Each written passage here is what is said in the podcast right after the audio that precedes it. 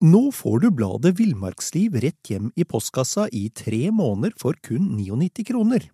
I Villmarksliv kan du lese om norsk natur, ærlige tester av klær og utstyr, og mange gode turtips skrevet av erfarne friluftsfolk, fiskere og jegere. Send SMS VILL36 til 2205 og motta bladet allerede neste uke. Lev livet villere med bladet Villmarksliv. Hi, I'm Daniel, founder of Pretty Litter. Cats and cat owners deserve better than any old fashioned litter. That's why I teamed up with scientists and veterinarians to create Pretty Litter. Its innovative crystal formula has superior odor control and weighs up to 80% less than clay litter. Pretty Litter even monitors health by changing colors to help detect early signs of potential illness. It's the world's smartest kitty litter. Go to prettylitter.com and use code ACAST for 20% off your first order and a free cat toy. Terms and conditions apply. See site for details.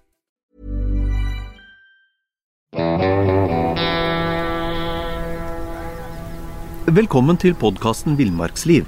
Mitt navn er Knut Brevik, og jeg er redaktør i bladene Villmarksliv, Jakt og Alt om fiske. I dag skal jeg snakke med Oskar Haugen, jeger, fisker, tidligere skarpskytter øh, og, og eier av GRS. Et firma i Hornindal på Nordvestlandet som utvikler og selger ergonomisk tilpassa skjefter, nå til hele 46 land i verden. Det skal vi snakke mer om, men, men først, Oskar. Hvordan starta din interesse for, eh, for, jakt og fiske? Jeg tror det begynte gjennom skyting, egentlig, eh, først og fremst. Eh, alltid vært litt fascinert av skytevåpen og ting som lager litt smell. Så gikk det over i jakt, egentlig. da.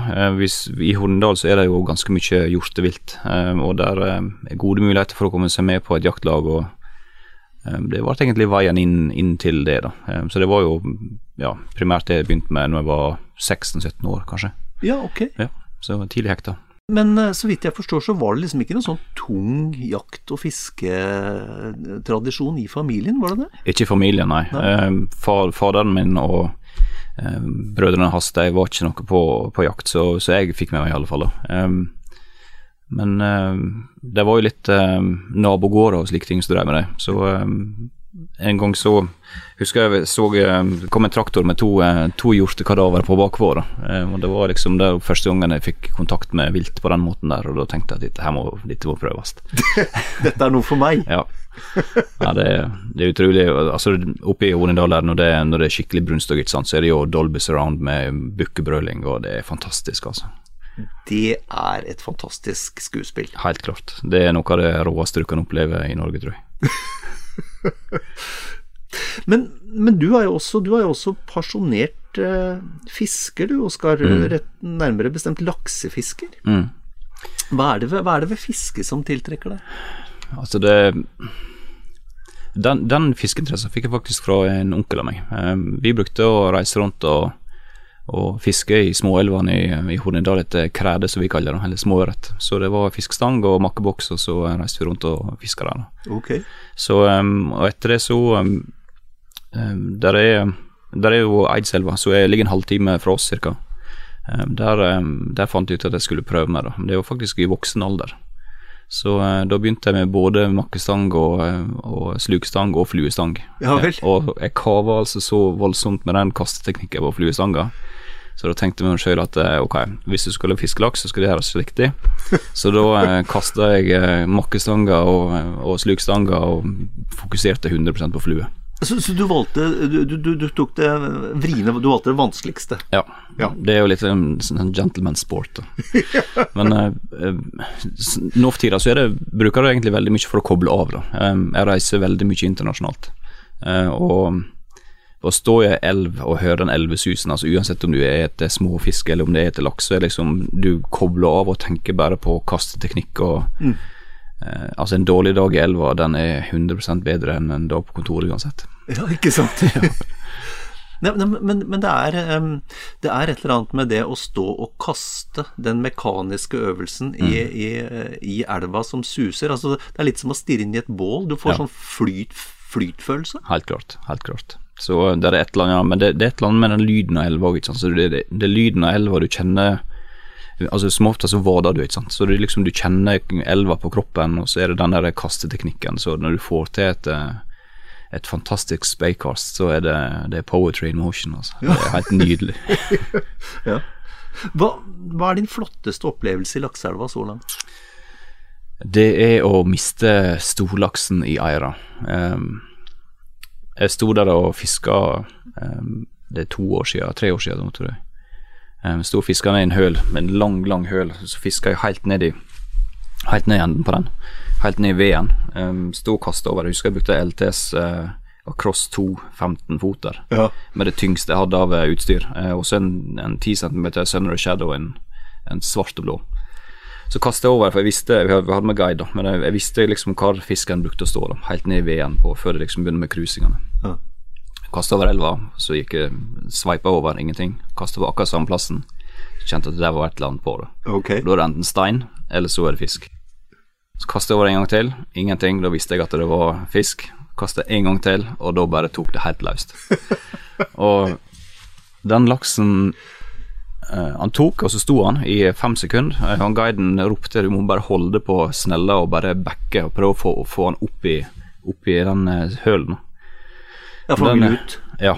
Så, men den fisken den ville ikke ha noe av det. Den bare tverrsnudde og dro ut Jeg tror det var 120 meter line eller noe sånt. da Så det var jo skikkelig sånn stryk nedover. Med, det var hvitgård, som vi kaller det. Altså hvitt skum i ja i, eh, i, elva. Så jeg sprang nedover der mens jeg fikk innpå igjen. Og vi kjempa og kjempa. Jeg holdt på 25 minutter med den fisken der.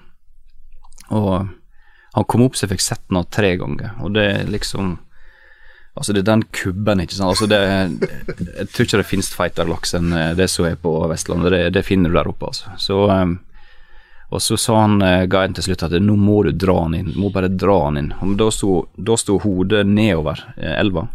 Så um, jeg dro, Uh, og da dro jeg eh, kroken ut av kjeften på henne. Det, jeg tenkte på det så mange ganger etterpå. Jeg fant det faktisk ikke ut før uh, jeg begynte å tenke på det i fjor høst. At uh, når hodet sto nedover, så drar, jeg, drar, du kroken ut. Da. Ja. Men å kjempe med de beista der, det er helt fantastisk, altså. Men for en opplevelse, da. Ja. Det, men det, det, er ikke alle der du får som er det, det, er ikke nødvendigvis der du får som gir deg den beste opplevelsen. Spennende. ja. um Ok. Vi, eh, vi, må, vi, må, begynne å nærme oss litt, eh, litt våpen og, og skjefte og jakt òg, vi, Oskar. Mm. Um, men, men, først så tenkte jeg, du er jo du er jo tidligere skarpskytter, du, fra, mm. fra Forsvaret. Ikke bare skarpskytter, du, du, var vel også instruktør, hvis jeg ikke tar helt feil? Ja, jeg fulgte um, Da Forsvaret innrullerte 50-kaliberen, så var det veldig mye rundt det. da. Så hele den gangen og hele prosjektet var jeg, var jeg med på. da. Akkurat. Ja. Men med, med, med, skarpskytterens øyne, altså kan du ikke ta oss med på et perfekt skudd? Hva, hva, er det som er avgjørende for å levere et godt skudd, hvis du tar oss gjennom de ulike bitene her? Mm. Um, altså, i forhold til å lære folk å skyte godt og liksom ha accuracy, som de kaller det, um, det er liksom å gjøre det samme igjen og igjen og igjen. Altså repeatability, det er liksom det det går på. Mm. Um, og der er jo GRS som er en stor del av mitt liv. da. Ja. Um, vi er med på å liksom gjøre den løsninga, fordi at du må, ha, du må, ha, et våpen som passer deg. Uh, folk er ulike. Folk mm. er, har lange armer, korte armer. De har uh, Altså, ergonomien på folk varierer hele tida. Um, så du må ha riktig lengde på skjeftet ditt, sånn at du får um, ja, både lengde på skjeftet, og så er det liksom at du får skikkelig kinnstøtte. Eh, som gjør at du tilfører stabilitet i, i skytestillinga. Eh, men det er liksom når jeg, når jeg, skal skyte, da, så har jeg en sånn eh, huskeregel som heter brass. Eh, det er breathe, og så er det aim, relax, slack, squeeze. Og det er liksom de de tinga som Eller de, de huskereglene som jeg brukte å lære til, til de som jeg trente, da. For at du har liksom Du har en du har en gange i skuddet, måten du bygger opp på. da. Men altså det, det handler først og fremst om at du skal eh, prøve å gjøre det samme opp igjen og opp igjen. Og eh, når du har riktig kin, altså kinnstøtte, sant? du kan slappe av i nakken, du har riktig ergonomi i grepet så du slapper av i armene, eh, du bygger opp skytestillinga di helt fra tåspissene og hele veien opp. Sånn som på den relax-biten, så er det jo Det er veldig mange som ikke tenker på det når de legger og skyter, men altså de, de, bruker kroppen til å flytte rifla, på en måte, eller flytte point of aim. Mm. Mm. Um, og når du, gjør, når du, gjør, det så skuddet går, så blir den ofte forsterka mm. uh, i rekylen. Um, og da skyter du ofte Altså hvis du drar rifla mot, mot høyre, f.eks., så skyter du ofte for langt til høyre. Mm. Så i spesielt i liggende posisjon, da, så det, handler det veldig mye om at du flytter hele kroppen, og så du bruker litt tid på å lage til skytestillinger.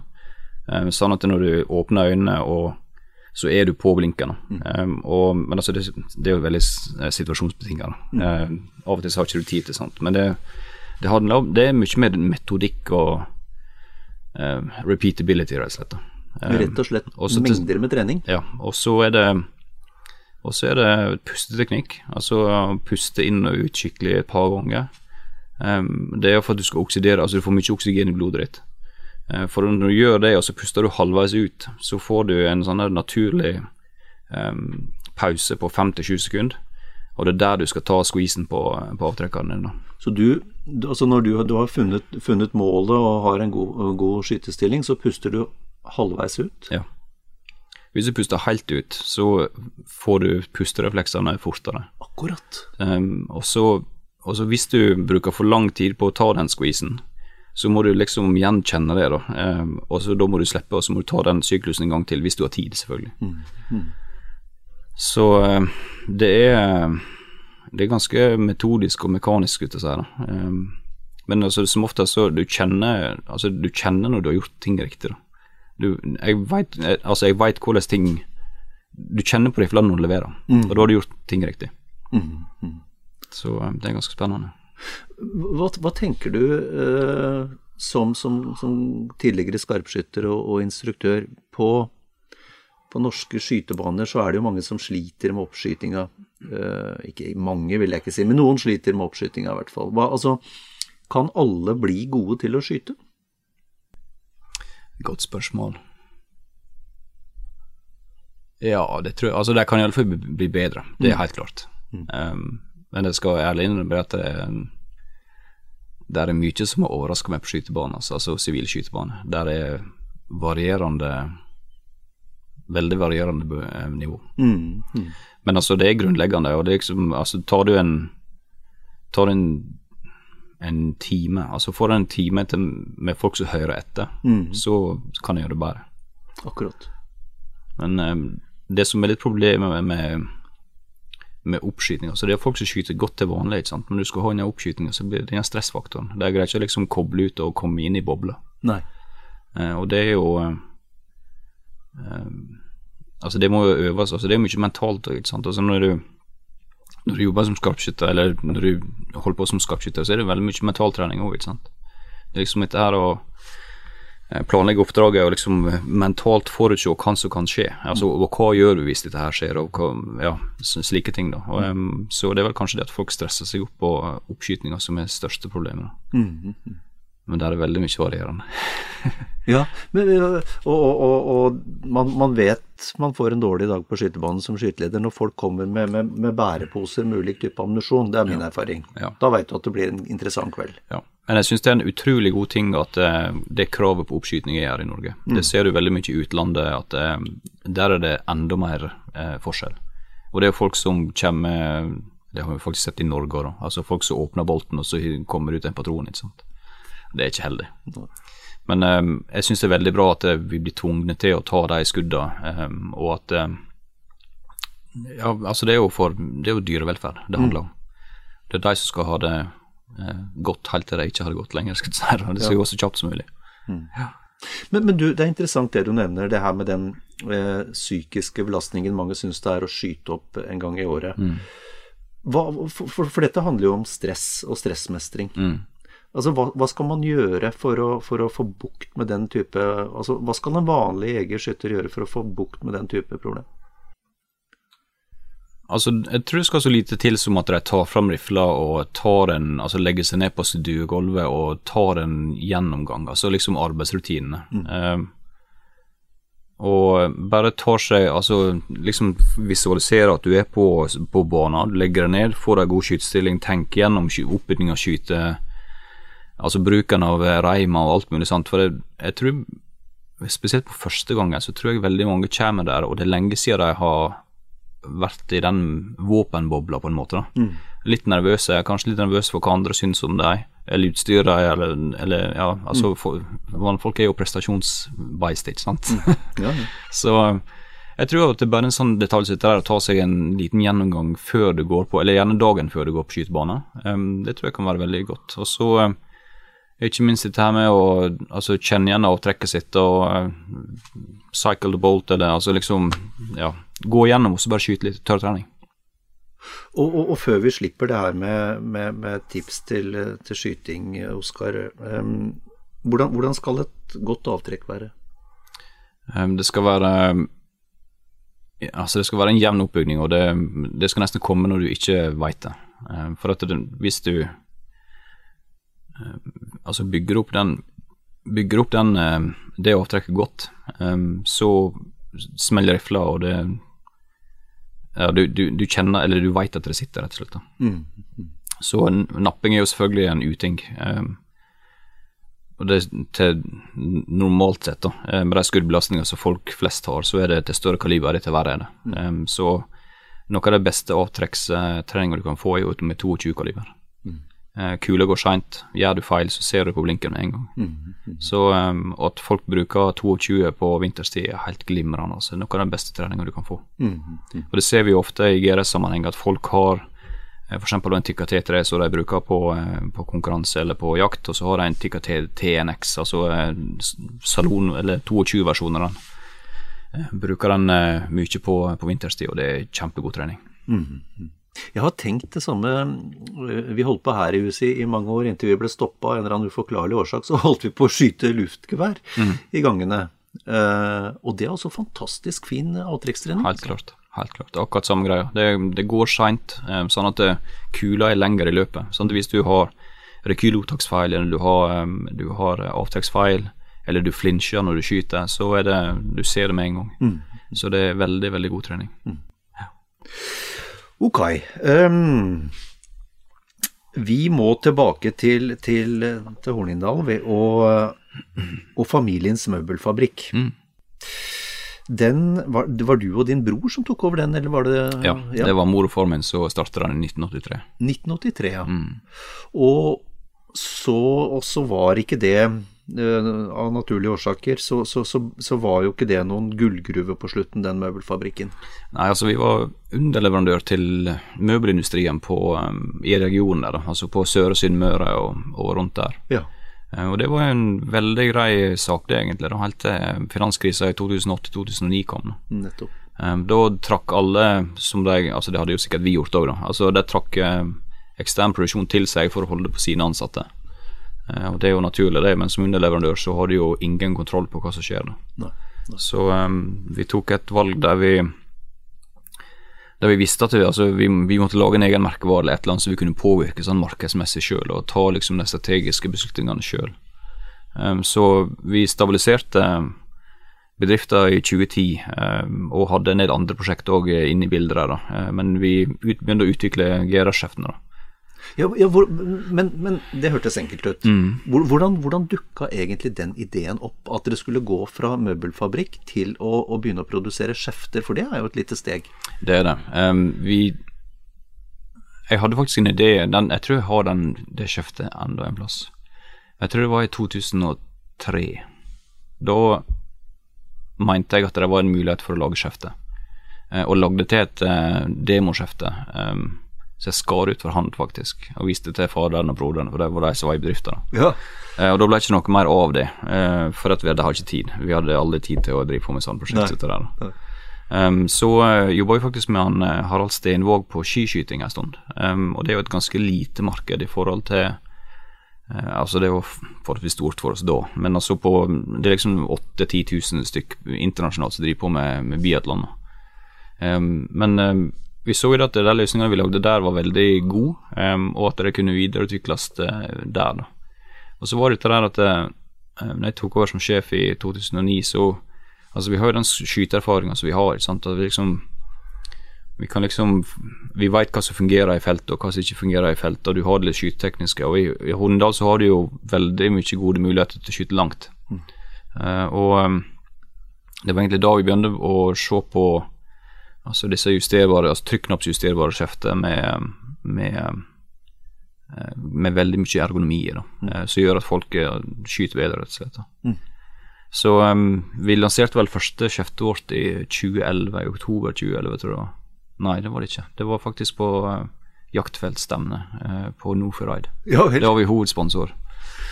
Um, så um, så um, vi begynte der. Uh, og så uh, på den tid så var det jo ikke noe problem å, å sende ting til utlandet heller. Så jeg tror vi solgte til fire land første året, og så solgte vi til ni land andre året, og så har det bare gått slag i slag etter der.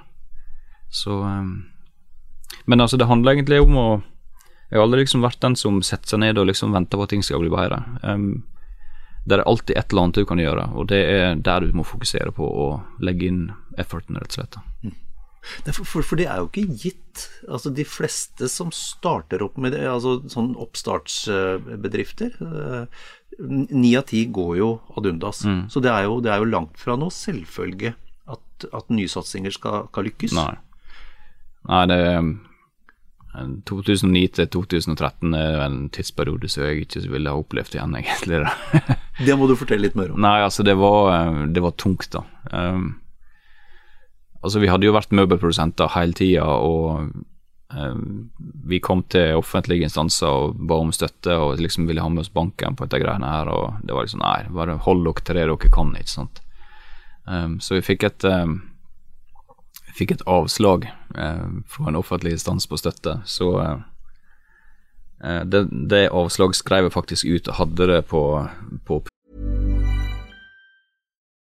Nå får du bladet Villmarksliv rett hjem i postkassa i tre måneder for kun 99 kroner.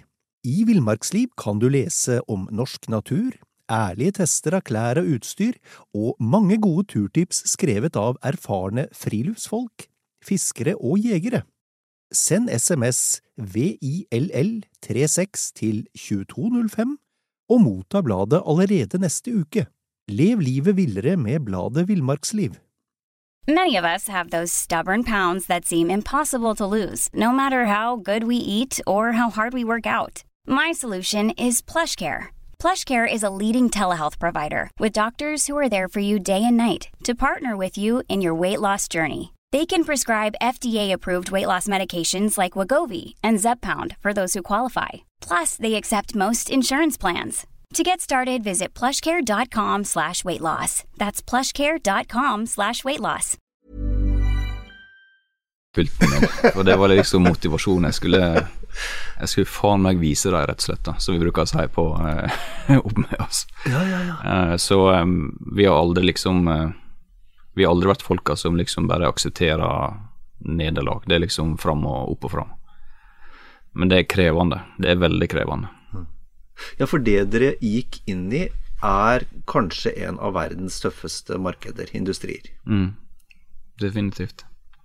Så um, det er 244 konkurrenter som jeg vet om. Men um, den, den, største konkurrenten, det er kjeftet som sitter på rifla di. Fordi at eh, du har kjøpt deg en rifle, du er godt fornøyd, du veit ikke at du har et problem, egentlig. Men når du begynner å ta i gærskjeftet, så forstår skyttere at uh, dette her er noe annet. Mm. For det, altså, du har jo plukka det opp sjøl. Altså, liksom, du kjenner ergonomien, og det liksom, du tar det opp til deg. Altså, du kjenner at ting er riktig. Mm. Mm. Og um, det er jo det som var driv, mye drivkrafta bak det. At vi, eh, altså vi visste at det var et kanongodt produkt. Um, og det gjorde jo òg at vi fikk innpass med veldig store våpenprodusenter. Uh, vi har jo det syns jeg er sånn prinsipielt stilig. da. Um, en liten bedrift fra uh, Nordvestlandet som jobber med de største brandene i hele verden. Det er jo det er jo helt rått. er, det, er, det sånn du klyper deg litt i armen når du sitter i møte med ja, de aller, aller største. Det er litt stilig, da. Ja. ja. Så vi har, vi har, brukt veldig mye tid, eller jeg har brukt veldig mye tid, eh, og vi har brukt veldig mye tid, eh, på nettverket vårt. Vi har vært på veldig mye messer internasjonalt, eh, reiser veldig mye. og med de innpassene som vi fikk med, med, både tyske og belgiske og amerikanske våpenprodusenter, så du, får, du kommer liksom inn i en sirkel av kontakter som er vanskelig å replikere. Mm. Så altså en må oppføre seg skikkelig selvfølgelig og ha et veldig godt produkt. Eh, men når du har det, så, og du er flink med folk, eh, så åpner det seg veldig mye, altså. Mm. Og det er kult. Men det var åpenbart en åpning her, da, i et tøft marked. Ja. Det var åpenbart en nisje som ikke var tatt. Ja. Eh, når vi begynner med dette der, så, så de fleste våpenprodusenter de fokuserer på å lage et veldig godt løp og en god kasse. Mm. Sette på et godt avtrekk og så bare nesten slipper de på et uh, skjefte. Og det er liksom uh, det er bare en konsekvens at folk må holde, noe, holde i noe, ikke sant. Mm. Mm. Men det er klart at har du et skjefte som, som passer deg, um, så er det altså det vi gjør egentlig, da, det er å, å tilføre stabilitet først og fremst. Uh, men det du egentlig gjør, det er å overføre kylen til kroppen din riktig hver gang. Sånn at tar du et riktig rekylopptak hver gang, så ser du det på at gruppene bare blir mindre og mindre, og du får mye bedre presisjon. Ja, For rekylopptaket er en nøkkel her? Ja, helt klart. Det er overføring av rekyl. Um, sånn mentalt så bruker jeg si at uh, vi selger bragging rights. Altså uh, folk kan skryte til kompisene sine se denne gruppa her. Mm. og det er jo, uh, men altså du får mer confidence på en måte. da. Altså Du føler deg sikker på våpenet ditt fordi at ting passer. og i jaktsituasjoner så er det jo altså du du tar opp rifla og du finner um, trådkorset med en gang, mm. og du kan skyte raskere. Mm. Um, så på drivjakt, f.eks., som vi så vidt var innom uh, tidligere, så uh, du, til, altså, du, du, skyter bedre. Du tar ut mer uh, vilt og avliver det mer korrekt. Mm. Ja, for, for, det er en Det er ofte en sånn, et underspilt faktor, tenker jeg, når det gjelder skyting. Skyting er ekstremt mye psykologi. Ja. Altså, tror du på det du skal jakte med, mm. da er du egentlig en mye bedre jeger med en gang. Helt klart. Så um, det er Men altså, litt sånn Da jeg skjøt mye gjort før i tida, um, da var det litt sånn Jeg brukte litt sånn samme mentalitet um, til Altså, jeg visualiserte liksom før jeg reiste ut, da. Så jeg tenkte at Um, altså Nå kommer det sikkert inn på tre-fire hjorter, der det er to kolliumkalv og en, en hynne eller en spissbukk. Og da liksom visualiserte jeg ok, da skal jeg ta den først, og så tar jeg den, og så tar jeg den. Og så er det ofte sant, da, da smekker du på to-tre stykker. sant? Mm, mm. Uh, men altså, det er liksom igjen dette at du har spilt ut scenarioet i hodet, på en måte, og da er du liksom mentalt klar til å ta de avgjørelsene, på en måte. da.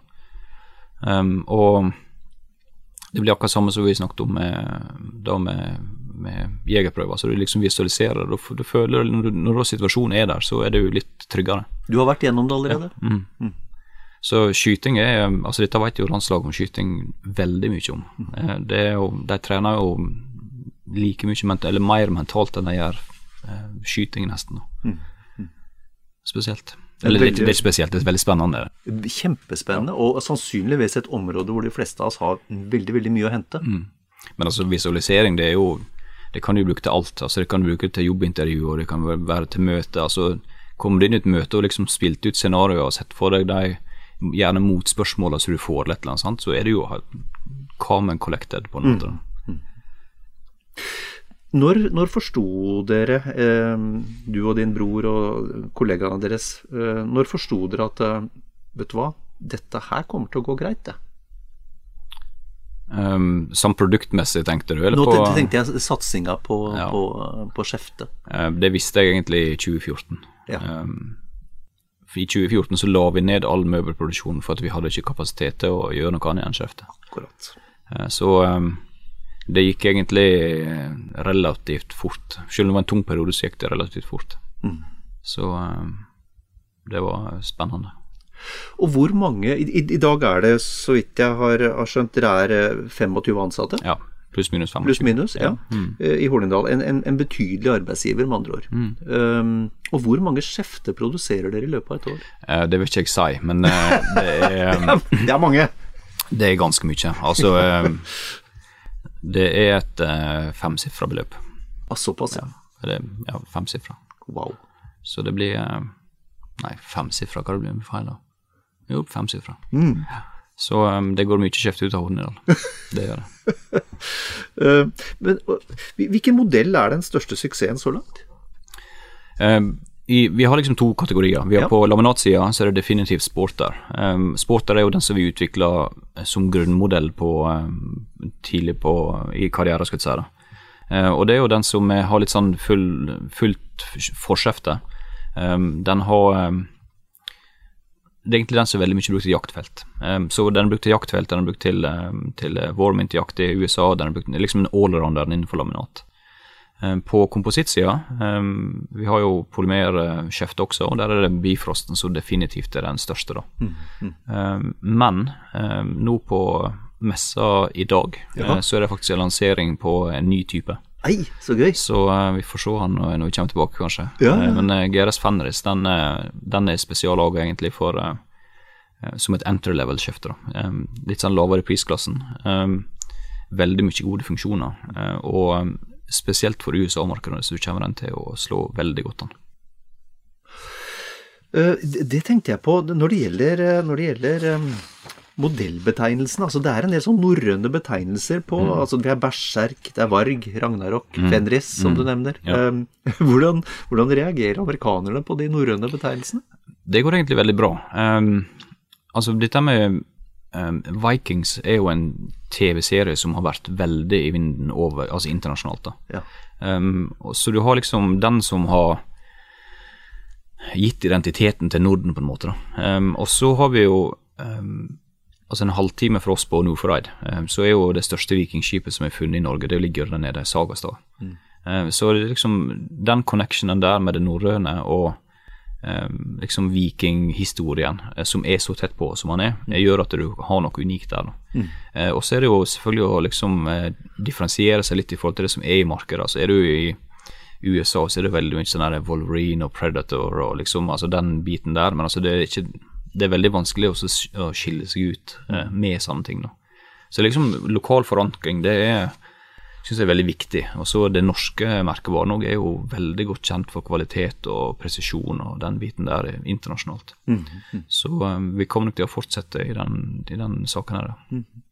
Men, men, det bringer oss litt over på det, neste, dette her med med markedsføring og merkevarebygging. fordi mm. det er jo ikke nok i dag å lage gode produkter. Mm. Du må jo faktisk selge en historie rundt dem, og ja. du må få folk til å, å tro på de historiene. Mm. Det er helt riktig. Så um, der, er, der er veldig mye brand som er liksom bare et brand. Altså det er liksom det, det er litt sånn historieløst, ikke sant. Ofte eid av, av eh, ja, liksom store konsern og den biten der, og det blir sånn vanskelig å å differensiere seg fra konkurrentene. Men eh, du ser jo at sånn så, altså, disse gamle, trauste De som har historie, er jo fremdeles i, i systemet. Altså, selv om Remington f.eks. har vært eh, omtrent lagt ned og kjøpt flere ganger, så er det, det er en kjempemerkevare i USA. Mm. Uh, Winchester f.eks., du har Browning. altså det er, det er brands med lang historie fra, fra ja, mye, mye spennende historie, rett og slett. Mm. Ja, det er det. Men, men, men, dere må åpenbart bruke en, del tid på, på, på, dette med merkevarebygging mm. og, og, og, tenke konsepter ja. som skal fungere, da? Ja, helt klart. Um, altså Til sjuende og sist så er det jo um, produkter som egentlig er liksom uh, proof in the pudding, på en måte. da, At det, du leverer veldig gode produkt. Uh, og det, det har vi jo stålfokus på, på det, selvfølgelig. da. Merkevaresida så er det Der er jo mye Altså, vi bruker mye tid i felten og tester òg, ikke sant. Altså å vise at vi tester det, mm. eh, og at vi er ute med eh, vi er ute med kunder og slike ting, og, og er med på jakt og, og, den type ting, er jo veldig, veldig viktig å vise fram. Mm. Um, det som har vært litt utfordringer i sosiale medier de siste åra, eller egentlig fra 2018, det var en sånn policy change at du kunne ikke vise fram eh, våpen og, og, den biten der i, i den stor grad. Så det blir blitt mye mer sensur, på en måte. Um, og paid advertising er jo helt utelukka. Det får ikke lov til å gjøre i det hele tatt. Uh, så, um, men sånne utfordringer det kommer hele tida. Uh, den neste krisa kommer springende mot deg, du vet ikke hva det er, men det er bare å takle det når det kommer. Mm, mm. Men, men, men, holdt jeg på å si, ja, det, dette er jo én bit, dette med at man ikke kan, uh, kan annonsere for, for, våpenprodukter i sosiale medier. Men, men var det andre ting du du ikke så komme da dere starta opp for tolv år siden? Eh, på det, på det utfordrende sakene så har det vært eh, dette her med transport spesielt. da. Okay. Eh, det er liksom det skjedde et eller annet i 2018, altså mellom 2014 og 2018 så skjedde det veldig mye på sånn Hva skal jeg nesten si sånne politiske policies. da. Um, Sånn som for at over natta så over 1000 du, du kunne ikke bruke for eksempel sånn som DHL, UPS, FedEx og sånne ting. De bare bestemte seg for at de, de frakta ikke sånne varer lenger. De frakta ikke skiftene deres? Nei, det var bare sånn. Og det ironiske er at den største kunden til UPS i, i verden er jo eh, US Army i USA. Akkurat. Og så vil ikke de ta i, i et noe så ekkelt som et skjefte. Altså det er ikke en, registrering, det er ikke en registreringspliktig del engang. Nei. Så um, der er det blitt veldig mye sånn utfordringer rundt det, da. Um, men uh, igjen, altså det er jo bare en ting som må takles. Det tar bare tid og fokus og penger. Men um, det, det, er ikke lett å drive drift. Men det er utrolig givende, da. Ja, det tror jeg på. Eh, jeg holdt på å si eh, Dere har jo opplevd, eh, opplevd ved et par anledninger, har jeg forstått, det beste komplimentet en innovatør kan få, det, nemlig at andre plagierer dere. Mm. Hva, hva, tenker du om det? Det får bare drive på. Jeg har ikke tenkt å bruke penger eller tid på å gå i rettssaker og sånne ting. Det, det er ikke Altså du får heller legge pengene på, eh, på utvikling. Mm. Det, men eh, det kommer alltid til å være sånn. Mm. Uh, og det er jo som du sier, altså det er det største komplimentet at uh, folk gjør det. uh, men det er igjen tilbake til det som vi snakket om så vidt i stad, at det nettverket vi har, er ingen som kan replikere. Så, og du har liksom vært først og best, da. Mm. og det er det som er viktigst, tenker jeg. Mm. Og så kommer det aldri til å være GRS. Hvor, hvor, eh, hvor, er dere om ti år? Har du noe annet som det? Da er jeg på skytebaneplass. ja, ja. Um, der er veldig mye Der er utrolig mye spennende på gang um, så kommer de neste tre åra. Ja. Um, så um, Jeg vet ikke hva vi er om ti år, men uh, vi er iallfall ikke her vi er nå. Uh, sånn Jeg ser bare utvikling og muligheter, rett og slett. Så um, men dere er i Hornindal? Ja, vi er i Hornindal, definitivt. ja, det er vi. Så um, Men det blir Altså, det, det, er vanskelig å si ting om fortid eller framtida, men uh, det, det, er bare mulighetenes marked, rett og slett, mm. syns jeg. Mm. Så um, det blir nok Men jeg tror det at vi kommer til å ha en mye større representasjon i, i statene. Det ligger an til at det blir uh, etablering der borte ganske snart, da, på salgssida. Så, um, og det er et stort marked? Definitivt. Uh, det er 60% av verdensmarkedet.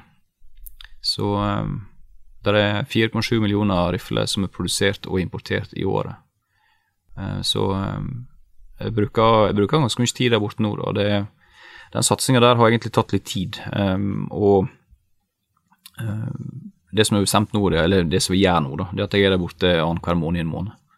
Så da får du liksom gjort alt du skal og fulgt opp det du ønsker. og ja, mye nettverk med våpenprodusenter og youtubere og den biten der. Det er veldig mye stort på, på YouTube der borte. Mm. Ja. Så um, til mer tid enn bruker der, til bedre er det. Får du noe tid til å jakte, da? Jeg jakter som ofte som vi kan, da. um, I Norge har det vært litt sånn begrensa, men um, når vi var i USA nå sist, så var vi på, um, på coyotejakt og på, um, på hog-hunting da, i uh, Georgia. Med termisk sikte midt på natta, og det var en ny, en ny, opplevelse for meg. da. Det, det, er veldig spennende der borte òg. Men ellers så blir det Vi skal på en jakt der borte på um, Proghorn Antelope i, i sør Colorado i høst, og så blir det litt whitetail og slike ting. Så det er klart at vi, en, må, en, må, være med. altså det, Dette blir jo med, med et par TV-kanaler og slike ting. da. Vi begynner å få innpass der òg, det er jo veldig spennende. Så um, da får vi liksom eksponert for mye større publikum enn det vi har her. Mm. Så um, til mer jeg kan bruke tid på sånne ting og vise liksom produktet i feltet og liksom backer opp med den skytetekniske biten og liksom forklare konseptet, jo bedre er det. Mm. Helt klart. Så der, eh, det går så det griner bort for tida. Altså, jeg veit du, du, du, jakter jo rype, og du har jakta bøffel, og du jakter jo det meste, egentlig. Mm. Men du er jo bunn og grunn en ihuga hjortejeger, Oskar. Ja, det stemmer. Kan du ikke fortelle meg den flotteste opplevelsen du har fra hjortejakta? Det er, det er vel faktisk to, to historier der, da. Ok. Eh, Den som du har hørt om tidligere, tror jeg, det er den med 13-toggeren. Um, og altså, det er jo sånn at eh, vi jegere vi er jo ikke ute for å bare nødvendigvis skyte ting. Altså, det er ikke det det handler om. ikke sant? Det er naturopplevelsen. Så, og veldig ofte så er det jo sånn at eh, det fineste dyret du ser, det er der du ikke kan ta. Så eh, det var en morgen jeg gikk ut Jeg tror det var i 2014-2015, tenker jeg. Um, og da fikk jeg tekstmelding når jeg var på vei ut at den siste bukken var skutt. Vi hadde en som var ganske ivrig på å skyte der, og det var ganske begrensa med bukk vi kunne ta. Så jeg tenkte at ja, ja, ok, da eh, blir ikke det bukkejakt i dag, men da blir det ut og liksom finne det som skal forvaltes. Altså det er jo det det bruker å gå i. da. Og vi gikk opp på eh, liene overfor eh, GRS-fabrikken, faktisk. da. Det er der vi bruker å jakte. Eh, gikk opp gjennom, og det er jo bratt og fælt og veldig tett. Og så eh, kom jeg inn i, et, eh, inn en plass der det var ekstremt tett. Altså det, var så, eh, det var så mye hasseltre at du måtte liksom legge deg framover og brøyte deg fram. da. Eh, og ehm, jeg kom gjennom eh, sånn fem-seks meter med sånn hassel, og så kom jeg inn i et område som var helt åpent. En sånn eh, sirkel på ca. 15-20 meter eller noe sånt. Og midt i der så lå det en stor bukk. Eh, og han lå og sov, eller det vil si han lå og hjorta. Så Ja. han, lå og, han, han lå midt inni der. Eh, og han lå der og hadde, han hadde igjen øye, så inn i sola. Liksom, han lå der og sola seg og kosa seg. og Han hadde ingen, ingen idé om at jeg var der. Nei. Og jeg bare satte meg ned og satt og så på et av de fantastiske dyra der. Han var sikkert en sånn 175 kilo slaktevekt. Var en stor, stor en. 13 tagger. Jeg satt og så på han, og eh, jeg tenkte på det etterpå at eh, jeg tror at han må ha trodd at jeg var en, en satellittbukk eller et eller annet sånt, som liksom kom For vanligvis, du kommer jo aldri inn på sånne beisetere. Um, og jeg satt der og så på henne i sikkert 20 minutter, så tenkte jeg til meg sjøl at jeg, jeg må bare gå. Eh, jeg, jeg, jeg må jakte. så eh, da satt vi ved siden av en stor, eh, stor bjørk, og så knakka jeg på, på bjørka, da, så da var han oppå Sto der sånn Sånn som det bruker jeg gjøre, ikke sant. Og så var det stålblikk på meg i et halvt, halvt eh, minutt, Ja. og så bare stakk han. Ja. Men eh, sånne, sånne ting sitter der er helt fantastisk. Det er en opplevelse for evigheten. Helt klart. Um, samme året, da, um, så, um, så uh, var jeg på jakt uh, ned på en bø der nede. Uh, og det var skikkelig måneskinn når vi satt der og venta. Så kom jeg ned på en tolvtagger, og vi hadde ikke mer, vi hadde ikke mer da heller. Um, så kom jeg på en stor tolvtagger, sånn 160 kilo eller noe sånt. da. Så jeg så på den i 20 minutter, og så plutselig så heiv han opp hodet, og så sprang han. Det gikk det to minutter og kom ned på en 14-tagger. Og det er det største beistet jeg har sett, altså. Det, det var en skikkelig stor brande av en, eh, en bukk. Og han satt vi og så på i nesten en halvtime. Jeg hadde med en sånn size spotter, brukte den på, og satt og studerte den, og det er utrolig fine dyr, altså. Det er en mektig opplevelse. Og så er man aldri i tvil om hvem som er kongen når det er flere dyr, flere bukker i nærheten. Det er helt rett. De beveger seg med en verdighet og en selvsikkerhet, Ja. så det ser man. Ja, definitivt. Um, han er en kamerat som, um, som jakta litt lenger inn i dalen. Han sa de hadde skutt en på 142 kilo. da. En ganske stor eh, tolvtagger. Um, under det, da den datt, han lå, datt uh, tre meter inn på bøen eller noe sånt. Så kom der ut en eh, 14-tagger og tok den og, og tok den opp i hånda og kasta den inn igjen i, eh, i skogen. Så um, det, er- det, er vel, det er mektige dyr. Oh. Man må gå og høre på dette der når det, når det er brøling, og det er helt fantastisk. Nå har ikke jeg mye hår, men det lille jeg har, det reiser seg når jeg, når jeg, hører, når jeg hører hjort som står og brøler til hverandre. Ja, det er veldig spesielt. Oskar, tusen takk for en hyggelig prat. Takk det samme.